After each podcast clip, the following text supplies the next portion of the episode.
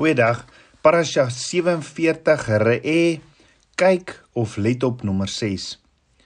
So wanneer is om kwaad te word sonde in ons lewens? Yeshua het kwaad geword want in Matteus 21 vers 12 gooi Yeshua die tafels om en hy sê julle eet van my Vader se huis rowerspelonk maak. Dan ook in Matteus 16 vers 23 draai Yeshua na Petrus toe en sê staan weg Satan want jy's 'n struikelblok vir my. So kan jy dink hoe moes Petrus geskrik het? Vir wie? Of vir wat het Yeshua kwaad geword? Het Yeshua kwaad geword vir mense of het hy dalk kwaad geword vir sonde en die vyand? Om te verduidelik. In Numeri 12 vers 3 staan daar Moses was 'n uiters sagmoedige man, meer as enige iemand anders op aarde.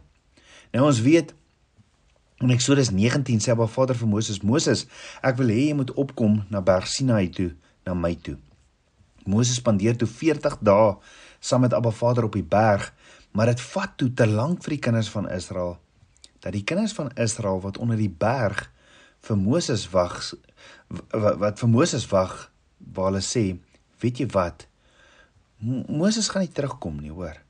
En hulle begin al hulle oorbelle, hulle juwele uithaal en hulle begin om dit te smelt en hulle sê ons het 'n ander god nodig en bou 'n goue kalf en sê dit sal ons God word want ons is moeg gewag vir Moses. Die vraag is hoeveel keer word ons nie ook maar moeg gewag en kies om ander alternatiewe te volg nie, is dit nie? Ons weet Moses is op Berg Sinaï by Abba Vader, waar Abba Vader vir hom die twee tiptafels toe gee met die 10 gebooie en op 'n stadium sê Abba Vader vir Moses: "Moses, ek dink jy moet teruggaan want die volk is besig om 'n ander ander god te aanbid.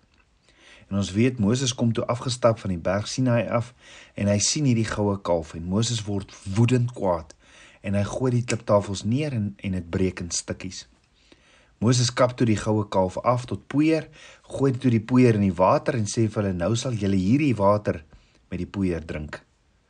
En dan sê Abba Vader in Eksodus 34 vers 2 tot 4 Moses, jy moet weer opkom teen die berg kap nou twee kliptafels uit soos die eerstes wat ek jou gegee het en bring dit in die berg op vir my en ek sal weer daarop skryf. En so klim Moses berg Sinaï uit met hierdie twee leë kliptafels en toe Moses bo kom is die eerste ding wat Abba Vader doen is hy leer eers vir Moses oor sy eie karakter. En Moses sê self in Eksodus 34 vers 6 toe vir Abba Vader wat verby hom gaan: Here, Here, barmhartig en genadige God, lankmoedig en groot van goedertierenheid en trou. So Moses self leer Abba Vader se karakter. Abba Vader is sagmoedig. Hy is lankmoedig. Hy word nie vinnig kwaad nie. En is amper asof hy as, asof hy vir Moses hierdie lering gee oor keuses. Want as jy hierdie gaan lees dan dan kan jy baie vinnig sien dat Abba Vader het gekies om die karakter te hê. Abba Vader het gekies om nie vinnig kwaad te word nie. Nou Abba Vader het vir Moses en vir my en jou geskape volgens sy beeld. Tselem Elohim. En Moses is 40 dae saam met Abba Vader op die berg. Met ander woorde Moses was op 'n plek waarna toe Abba Vader Moses geroep het om in sy teenwoordigheid te wees. Dis ook hierdie plekie waarna toe Abba Vader vir my en jou roep en sê ek wil hê jy moet na my toe kom en ek wil hê jy moet jy moet die seer en die woede in jou lewe bring. Laat ek my karakter oor jou kan asem dat jy kan heel word en dat jy my verteenwoordiger op aarde, my ambassadeur op aarde kan wees vir my koninkryk. Maar Vader sê vir Moses en so vir my en jou vandag, wanneer jy in my teenwoordigheid kom, kan jy my jou kliptafels jou hart bring, want ek sal met my vinger op die kliptafels van jou hart skryf en ek sal jou vrymaak van dit wat jou seermaak. Ek sal jou vrymaak van hierdie woede, hierdie himeer en vernedering in jou lewe. En dis die plek waar Abba Vader ons verander. En dis asof Abba Vader sy karakter op ons harte dan kom skryf en dan met een woede uitbarsing is die kliptafels in stukke. Dis wat met Moses gebeur het. Want in een oomblik breek dit Abba Vader se karakter in ons af. En dis hoekom woede so gevaarlik is. Jy sien hierdie woede uitbarstings is 'n keuse want die eerste keer wat Moses afgekom het van die berg en hy die goue kalf sien, toe gooi hy die kliptafels neer uit woede uit. En die tweede keer kom Moses van die berg af, toe skyn Moses van Abba Vader se teenwoordigheid, van Abba Vader se glorie. Dit was die teenwoordigheid van Abba Vader, sy karakter wat met Moses was. Moses was 'n ambassadeur van Abba Vader en het so Abba Vader se teenwoordigheid en karakter gedra. Jy sien hier is die ding, die woord van Abba Vader leer ons nêrens dat ons emosies as sonde geoordeel word nie, maar wel ons reaksie op ons emosies. Dit was Moses se aksie van om die kliptafels neer te gooi wat verkeerd was, nie sy emosie nie. Jy sien ek en jy die keuse hoe ons gaan reageer op ons emosies en dit wat dit wat ons aksies is, is wat ons laat sondig. Oorgegaan as ek dit kan regkry in my lewe om kwaad te word en woede te hê teen sonde, vernietig ek sonde. Maar as ek kwaad word vir mense, want ek kan dit nie regkry om die mense en die sonde te skei van mekaar nie word ek kwaad vir mense en ek begin uitvaar teenoor mense en as ek uitvaar teenoor mense vaar ek uit teen 'n skepping van Abba Vader wat sonde is. Abba Vader se woord sê in Efesiërs 6 vers 12 want ons worstelstryd is nie teen vlees en bloed nie maar teen die owerhede, teen die magte, teen die wêreldheersers van die duisternis van hierdie eeu, teen die bose geeste in die lig. Dan in Matteus 5 vers 21 tot 22 sê Yeshua: "Julle het gehoor dat aan die mense van die ou tyd gesê is: Jy mag nie doodslaan nie, maar elkeen wat doodslaan, moet verantwoording doen voor die reg. Maar ek sê vir julle dat elkeen wat uit sy broeder sonder sonder rede kwaad is, verantwoording moet doen voor die reg en elkeen wat vir sy broeder sê rakka moet verantwoording doen voor die groot raad en elkeen wat sê jou dwaas moet verantwoording doen in die helse vuur. Met ander woorde Yeshua sê daar staan geskrywe jy mag nie doodslaan nie, maar dan sê Yeshua woede gaan verder. As jy jou broer kwaadlik neem sonder rede, elkeen wat sy broeders vir sy broeder sê rakka, rakka wat beteken worthless one or empty-headed man. Of elkeen wat vir sy broeder sê hy is 'n dwaas, gaan verantwoording doen daarvoor. So hoor gou geweer. Die woord leer ons nêrens dat ons emosies as sonde geoordeel word nie, maar ons reaksie op ons emosies. Dis hoe ons reageer op ons emosies wat kan omdraai en kan sonde in ons lewens inbring. En Abba Vader spreek nie in ons emosies in nie. Let wel, as Abba Vader ons gees kom aanraak, ja, dan vloei dit oor in emosies en ons voel selfs hoe trane loop, nê. Nee. En ons voel hierdie warmte van 'n Vader se liefde binne in ons wat ons vashou en ons kan voel hoe hierdie ketTINGS breek. Maar dit is 'n vloei nadat Abba Vader ons gees in ons gees ingespreek het. Abba Vader praat in ons gees en wanneer my gees in aanraking kom met my Skepper, wanneer Abba Vader in my gees inasem, dan kan ek nie anders nie as om emosies te voel nie. Let wel, die vyand werk nie so nie. Die vyand spreek reguit in my en jou emosies in. Die vyand kom sê vir my, "Rolf, jy is moeg en jy voel moedeloos." En weet jy wat? As jy nou 'n woede uitbarsting kry en jy so reageer, sal dit geregverdig wees en almal wat jy ken sal op hierdie stadium al moedeloos gewees het met hierdie situasie. En so stadig maar seker begin die vyand om my deur my emosies in te trek omdat hy my wil bind en hy my wil vashou.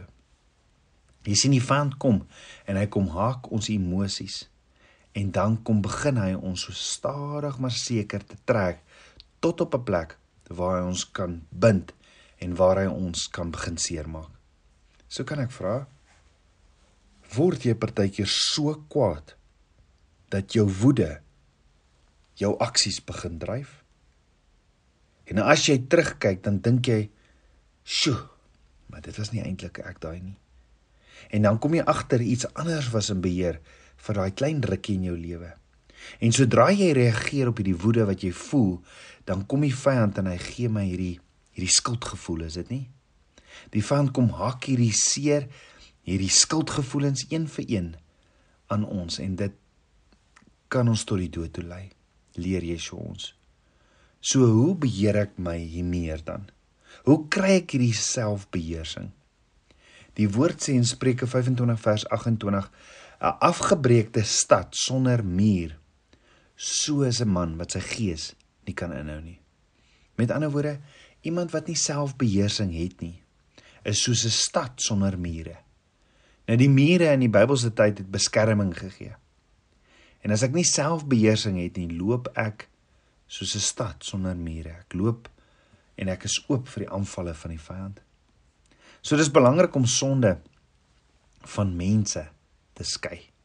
Want jy sien as ek kwaad word vir mense en ek kan dit nie regkry om die mens en die sonde te skei van mekaar nie, word ek kwaad vir mense en ek begin uitvaar teenoor mense. As ek dan uitvaar teenoor mense, vaar ek uit teen 'n skepping van Abba Vader en betwyfel ek dan Abba Vader se soewereiniteit en die feit dat Abba Vader in beheer is. Dis Abba Vader se kind met wie ek dan so praat en uitvaar teenoor. Dis sy handewerk. Jy sien, ons kan nie die emosies beheer wat in ons opkom nie. Wanneer die vyand kom en kom val ons aan in ons gedagtes en ons in, in ons emosies. Maar hoe ek en jy reageer kan ons verseker beheer as ons die karakter van 'n Vader dra. As sy teenwoordigheid met ons is. So, hoe kan ons dan kwaad word sonder om te sondig? Is dit moontlik? Hoe kan ek en jy dan kwaad word sonder om te sondig? Dis wanneer jy die emosie van woede ervaar, jy dit dadelik vir Abba Vader gee en jy dan kies dat die emosie nie jou liefde vir jou naaste affekteer nie. Want sien, word ek kwaad teen sonde, veg ek die regte vyand. Word ek kwaad en vaar ek uit teen mense, vaar ek uit teen Abba Vader se skepping en Abba Vader se almag en Abba Vader se soewereiniteit. Die reaksie van woede op my emosies maak dat ek die seënings en die beloftes van Abba Vader in my lewe miskyk en mis. So die vraag is: hoekom nie hierdie woede, hierdie frustrasies, hierdie hemerigheid van Abba Vader vandag gee en Abba Vader vertrou om ons vry te maak nie? Abba Vader is 'n God van verhouding en wat sy kinders roep tot intimiteit.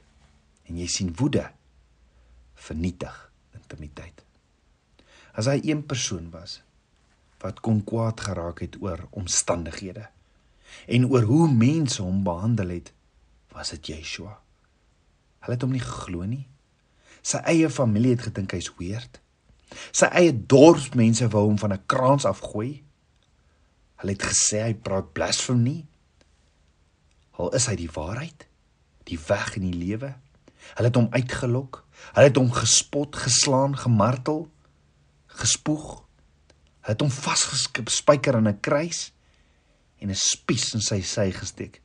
En na dit alles het Yeshua gekies om nie kwaad te word nie. Hy het gekies om met sy pappa, Abba Vader oor hulle te praat deur vir Abba Vader te sê, Vader, vergewe hulle want hulle weet nie wat hulle doen nie. Kom ons bid saam.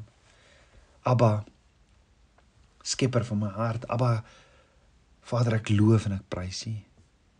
Vader ek gee oor, I surrender. Ek gee U my lewe. Vergewe my my ongeduld, my meer en my woede. Was my met die waterbad van die woord. Kom vul my met U gees en leef in my. Meer en meer van u Papa God, meer en meer van u teenwoordigheid in my lewe. Ek wil u ambassadeur wees. Bid dit alles in Yeshua Messie se naam, die seun van Jahweh. Amen. Shalom.